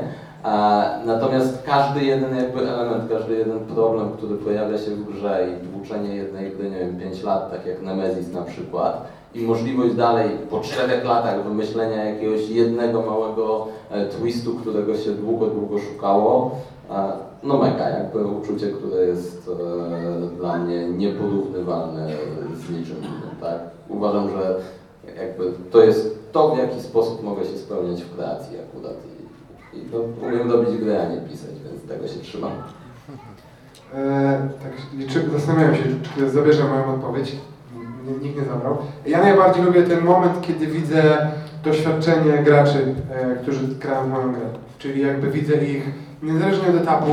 Oczywiście to się zmienia w zależności od tego, kto jest jakim graczem i czy potrafi sobie wyobrazić, albo czy prototyp jest ładny, czy nie, ale bardzo, bardzo mi, jakby bardzo dla mnie e, fajnym momentem jest to, kiedy dzieje się to między graczami, szczególnie jak ja nie gram, a ja staram się jak najmniej grać w moje gry, gdy je testuję.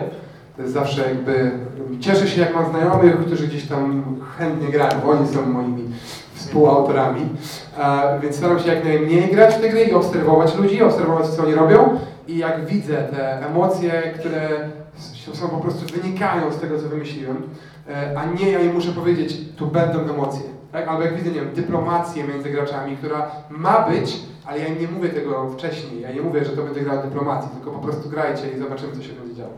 I jakby to jest coś, co mi się bardzo podoba, jak ludzie reagują na tą grę i coś się oczywiście udało. Jak reagują mi się nie udało, no to E, Ja mam pytanie do e, Marcina i i Ignacego, myślę. Marcin, nie wiem czy wszyscy wiedzą, jest autorem gry e, Siege Storm, e, która to gra, jeśli dobrze rozumiem, e, jest slash będzie wydawana w modelu CCG. I jest to pytanie do Marcina, pytanie o dalsze losy tej gry, natomiast do wszystkich i do Ignacego, bo Ignacy myślę, że osadnicy też w pewnym sensie w zależności od definicji tego terminu, osadnicy też są grą, która niby jest dodatkami, ale jakoś tam sobie żyła w czasie. O, o o ten model wydawniczy, o to, jakie ryzyko się z nim wiąże i e, jakie decyzje stoją za tym, żeby jakąś taki model obecnie wydać, kiedy e, wydaje się, że tych gier jest coraz mniej, a e, szybko znikają z rynku, może tak. Silverstone to jest dobre pytanie, bo to jest taka gra, w której się na przykład nauczyłem, że ludzie nienawidzą CCG. się bardzo szybko feedback był jednostajny, że o fajne, ale jakby to nie było CCG, to super. No i nie będzie CCG. Generalnie nasz klient, nasz pan. E, znaczy, to była taka gra, która gdzieś tam się urodziła, szczerze powiedziawszy, właśnie przy takim zmęczeniu materiału, przy tworzeniu gry, która ma 300 komponentów w sensie, że nagle jak byłem w stanie zrobić coś, co ma 120 kart, to, to nagle to była jakaś taka oaza, chyba robiliśmy to w 2-3 miesiące i, po prostu mieliśmy przy tym fan. To była taka gra, którą chcieliśmy wydać po to, żeby, żeby sobie sprawić przyjemność i też zobaczyć, czy ludziom. Ale ten model CCG jest ultra trudny, jest, jest niesamowicie trudny. Głównie dlatego, że E, po pierwsze został już trochę wyczerpany, a y, po drugie, że wydaje mi się, że mm, ja, ja jestem magicowcem, w sensie ja uwielbiałem grać w Magica, Magic the Gathering w ogóle tyle pieniędzy, co ja tam wydałem, to jest masakra. I to jeszcze jak dzieciak, który nie miałem tych pieniędzy, to jest najgorsze. Teraz też pół widy. Ale, ale chyba największy problem jest taki, że ludzie tego trochę nie lubią, bo to jest pay to win, mimo wszystko. Y, I trochę to rozumiem, no, no ma to sens, nie? W sensie, jeżeli na przykład są takie gry, które po prostu regularnie dostają na przykład cztery, cztery jakieś ekspansje małe w roku, to jest trochę bardziej uczciwe, bo to jest tak jakby płacisz sobie abonament za bycie na czasie w grze i to tam jest powiedzmy jakieś 100 dolców rocznie, to jest do przeżycia. No ale jeżeli mamy właśnie Magica, jakieś Yu-Gi-Oh i tak dalej, to tak tam naprawdę, żeby być na czasie i mieć jakiś deck, który fajnie gra, to to są po prostu, wiecie, setki dolarów miesięcznie. To, to, to są takie rządy kwoty. Gracja, odpowiada na pytanie, tak? Tak, tak, w sensie Seashton będzie, tylko że dodamy do tego solo i koopa. Eee, żeby, znaczy nie, nie, generalnie rzecz biorąc będzie rozwijane, będą nowe frakcje, tylko bardziej w takim modelu ekspasyjnym, plus naprawdę, w sensie to jest taka ciekawostka w ogóle, jak były pytania o trendy. Eee, solo jest mega popularne, w sensie takie mądre solo, nie takie solo dodane na odczep na zasadzie jedna zasada, ale taki model, w którym ty dodajesz do gry solo po to, że możesz się nauczyć gry i sobie ją potrenować, a potem pograć ze znajomymi, naprawdę fajnie działa i ludzie to doceniają. W Lords of właśnie ja tam też zrobił solo, przez bóle to szło, ale... Uwielbiam robić gry solo. ale, ale ludzie to doceniają, bo po prostu mogą sobie zapoznać się w, w grę w trochę inny sposób niż czytając instrukcję ileś tam razy. No i chyba Ignacy podaje, bo chodziło, bo o tym imperium nie, chodziło o imprezę też i generalnie o CCG. CCG czy LCG? No bo to są jakby troszeczkę dwa e, różne zabawy. Ja gadałem kilka tygodni temu z Ren Schlessingerem, który był zamieszany swego czasu w różne CCG i on troszeczkę opowiadał mi, jak te CCG powstawały, jak one w latach 90. upadały, bo tam w latach 90. mieliśmy boom na CCG i jedno wielkie wymarcie wszystkich CCG, prawda? I budżety, jakie te gry potrzebują, są poza percepcją, to znaczy nie mówię o samych grafikach, że do setu potrzebujesz wiesz, 300 czy 400 grafik, żeby wypuścić, wypuścić jeden set, mm, ale żeby ci działał, musisz mieć całą scenę, scenę turniejową. A żeby mieć scenę turniejową, musisz mieć normalnych pracowników na pewnym etacie, którzy zarządzają turniejami, którzy tam gdzieś jeżdżą, musimy przygotowane kity, przygotowane nagrody. To jest jakby cała osobna firma, zajmuje się tylko jedną grą, tak? Jest cały, cała ilość pracowników i ten format, czyli no nie miał szans utrzymać przy, obec, przy obecnym rynku. Z LCG, FFG troszeczkę to ułatwiło sobie, prawda? Te sety są bardziej kontrolowane, mniej tych kart jest, one są bardziej e, fixe przygotowane, więc ta operacja jest troszeczkę mniejsza i FFG jakby ma w ogóle infrastrukturę już jakby, tak jest, one sobie jadą troszkę na, na, jednym, na jednej, rzeczy. Ale zwróć właśnie uwagę, czy wszyscy zwróćcie uwagę, że nie ma nikogo innego, kto to uciągnął. E, z Doomtownem próbował AIG, to jest całkiem duże wydawnictwo w Stanach, i, i po roku rakiem się z tego wycofali. Ja, ja jako Imperial Center wiedziałem, jakie są moje możliwości, wiedziałem, że ja nie mam ani zespołu deweloperskiego, który mi zrobi tyle dodatków na czas i nie mam tyle pieniędzy, żeby tyle grafik co miesiąc y, zrobić. No i w ogóle nie ma szans, żebym ja w Ameryce zrobił scenę turniejową, mieszkając w Gliwicach. I więc myśmy od początku zakładali, że robimy grę karcianą, którą będziemy regularnie wspierali setami, ale to nie będzie żaden LCG. Natomiast to są gigantyczne pieniądze, gigantyczna operacja i to jest po prostu armia ludzi, która jest zatrudniona po to, żeby tą grę rozkręcić i teraz jest taki flip the coin, albo się to na, na rynku przyjmie, albo nie przyjmie, bo w zeszłym roku mm, FFG wydało Star Wars Destiny, to jest CCG z kostkami, tak? No to jest ten sam format, tak jest. No i się też z tego tak troszeczkę, no nie wycofają się, bo FFG nie wypadło się wycofało, ale oni bardzo spowolnili się z tym i jakby no jak zobaczysz co się dzieje w Stanach, to, to już to tam nikt nie gra, nie? A gra została na rynku. Więc jeśli nawet FFG z siłą Asmodee nie uciągnęło tego, to mało kto może uciągnąć format CCG. Jeszcze taka jedna ciekawostka, bo to w sumie mega działa y, w grach komputerowych ogólnie, wszystkie lootboxy i tak dalej. Jak sobie zobaczycie, to naprawdę gry komputerowe w ogóle się nagle zamieniają w jakiś hazard, nie? A w grach planszowych jakoś to się czyści samo, nie? W sensie, że, że ludzie widzą, że ok, jeżeli ja zapłacę tam powiedzmy 100 dolców za boksa i mogę sobie zagrać w tą grę 100 razy, to jest fajnie, ale jeżeli ja muszę ciągle płacić za to, żeby w to grać i, i tak dalej, to już przestaje się to po prostu ludziom podobać. Dobrze, kolejne pytanie? To może stanę. Y, Obecnie w literaturze, w telewizji, w kinie tematy tabu są już dawno e, przełamywane. W porannym bloku e, weekendowym możemy oglądać reklamy o hemoroidach i o potencji. E, w zeszłym roku mogliśmy tak naprawdę zacząć grać takie dosyć ciężkie tytuły w grach planszowych. Mogliśmy decydować o tym, czy nasz bohater przeżyje, czy mamy go poświęcić, aby cała reszta mogła przeżyć. Na SN mogliśmy grać w karcianki, gdzie nie wolno było, nie wolno było y, y, upuścić mydła. Osobiście grałem w tą planszówkę i no nie mi się spodobało, kiedy to mydło mi upadło. Czy gier planszowych jest gotowy na takie tytuły? Czy, czy, czy, czy my jako planszówkowicze jesteśmy już gotowi na to i czy wy jako autorzy jesteście gotowi na to, żeby pociągać takie naprawdę no, dosyć trudne tematy jak przeżycie, no trochę tej erotyki no tego nie ma obecnie w grach planszowych. Czy już jest dobry moment na to, żeby takie produkty po prostu wchodziły na rynek? Dziękuję. Może ja zacznę, bo w sumie takim produktem jest chyba This War of Mine. E, I tutaj to jest gra, która jest bardzo poważna, bardzo ponura, bardzo smutna i bardzo depresyjna, a mimo wszystko sprzedaje się świetnie i odniosła sukces. E, Więc wydaje mi się, że wiecie, no to działa na zasadzie popyt-podaż, nie? Jeżeli ludzie będą chcieli takie gry kupować, to na pewno znajdą się ludzie, którzy takie gry będą robić i wydaje mi się, że jesteśmy w takim punkcie, w którym to się będzie działo. Nie zgadzam się. Nie zgadzasz się. Trzy. Mogę? W końcu, w końcu się Absolutnie zgadzamy nie zgadzam. wcześniej. Nie, nie, to jest tak, że to Kickstarter... Halo? Ja już dużo nie mogę. E, to, to Kickstarter, to na Kickstarterze będziesz mógł robić takie rzeczy. Normalny rynek tego w ogóle nie kupi.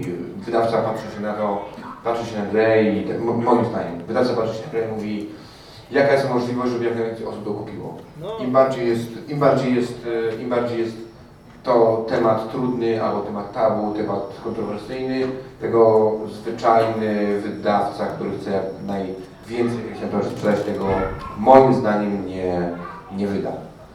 Y, To ja się no, nie zgodzę dalej. No, no to no. Znaczy się nie zgodzę dlatego, że tych gier jest tak dużo teraz, że cokolwiek, co się wyróżni na półce w jakikolwiek sposób, Ale- od razu startuje z, z wyższej pozycji niż kolejna Eurogra. No ile mamy Eurogier, ile może być Eurogier o tej samej tematyce? Ale nie tym. Nie, to, Y, to tak. nie jest wyjście.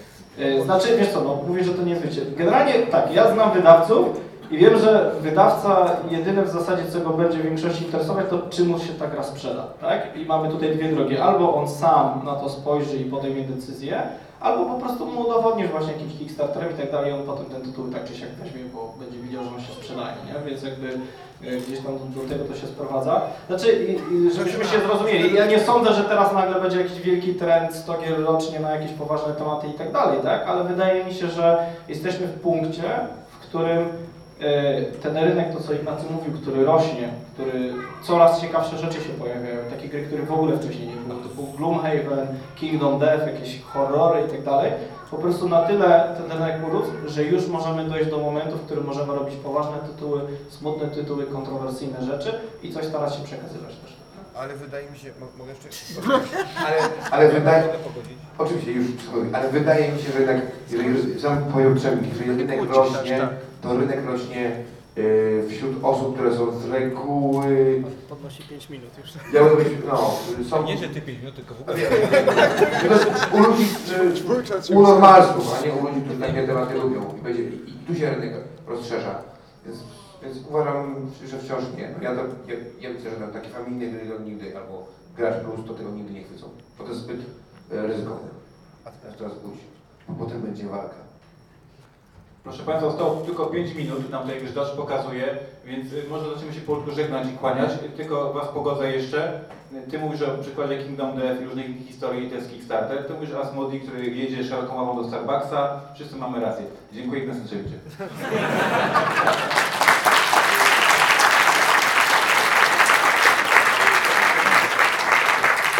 Jeszcze jedno pytanie, jedno. Tylko nie do Wojtka, tylko nie do Wojtka. Proszę, pytanie na lewo. Wszystkie pytania są dobre. E, Dzień dobry, witam serdecznie. E, Mam pytanie odnośnie e, zabezpieczenia praw autorskich do tego, co robicie. Czy uważacie, że sytuacja, która teraz jest, Wam pasuje? Jeśli tak, ok, a jeśli nie, to co chcielibyście zmienić? I, no chyba tak właśnie. to ja tak ultra szybko. y, uważam, że na obecnych poziomach obrotów zabezpieczenie jest za drogie, nikt tego nie robi. Może to trochę dobrze, może trochę nie, aczkolwiek wydaje mi się, że nie ma obecnie jakiegoś tam dobrego rozwiązania, ale branża sama fajnie reaguje, jak tam ostatnio pokazał. Ale... Tak. Właśnie chciałem powiedzieć, to już tak. Dokładnie tak. Tak, w sensie, że branża sama zareagowała. Ktoś ukradł komuś grę e, na franczyzie Aliena w ogóle. Zrobili to bardzo śmiesznie i bardzo nieelegancko. E, I generalnie rzecz biorąc, sensie chodzi o zasady, całą grę zasad, tak? E, I po prostu branża sama zbojkotowała ten tytuł, nie? Więc wydaje mi się, że to się dzieje organicznie. Że to w ogóle jest inna perspektywa autora, inna wydawcy na pewno tutaj, ale wydaje mi się, że ze strony autora a, cieszmy się z czasów, jakie mamy i z tego, że ten rynek jest jeszcze wolny od pewnych regulacji, bo inaczej ostatni deck building to byłby Dominion, chyba żeby go pozwały karcianki kolekcjonerskie o to, że im ukradł e, koncepcję, a ostatni draft to byłoby 7 cudów i tak dalej, i tak dalej. W sensie jak sobie pomyślimy, ile gier by nie powstało, a żyjemy w czasach, e, w których sklejamy różne rzeczy, tak? Robimy kolaże ze wszystkiego.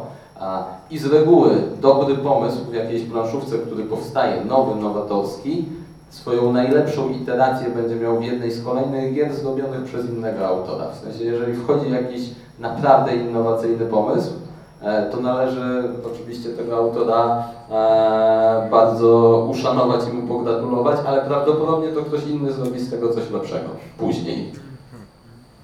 Jakieś ostatnie zdanie dla kogoś, kto by chciał zacząć projektować gry, poza nie zaczynaj.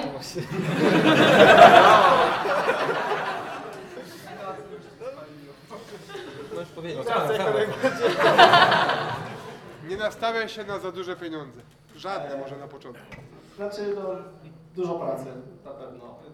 Wydaje się proste. Aha, i, i przede wszystkim to może jak chcesz zacząć robić gry planszowe, zrób sobie prototyp i zagraj w to sobie. Naprawdę. To jest najlepsza rzecz, którą sobie możesz zrobić, bo jest tyle pomysłów, które chyba wszyscy przyznają, które się wydają fajne, teoretycznie powinny być fajne. Wszystko wskazuje na to, że będą fajne, potem zaczynasz w to grać i idzie do kosza w 5 sekund. Nie? E, Pomysły są nic nie warte w tej branży, warte jest tylko to, w co można zagrać, tu Marcin ma rację. A trzeba mieć, ale w każdej pracy twórczej, bardzo dużo pokory wobec tego, co tworzymy, w sensie wobec materii, którą obracamy, tak? Jeśli tworzymy jakąś grę, musimy być dość pokorni wobec tego, co ta gra będzie robiła i w jaki sposób będzie, e, będzie e, żyła. Musimy się pogodzić z tym, że trafimy na pewne problemy, których być może nie rozwiążemy prosto.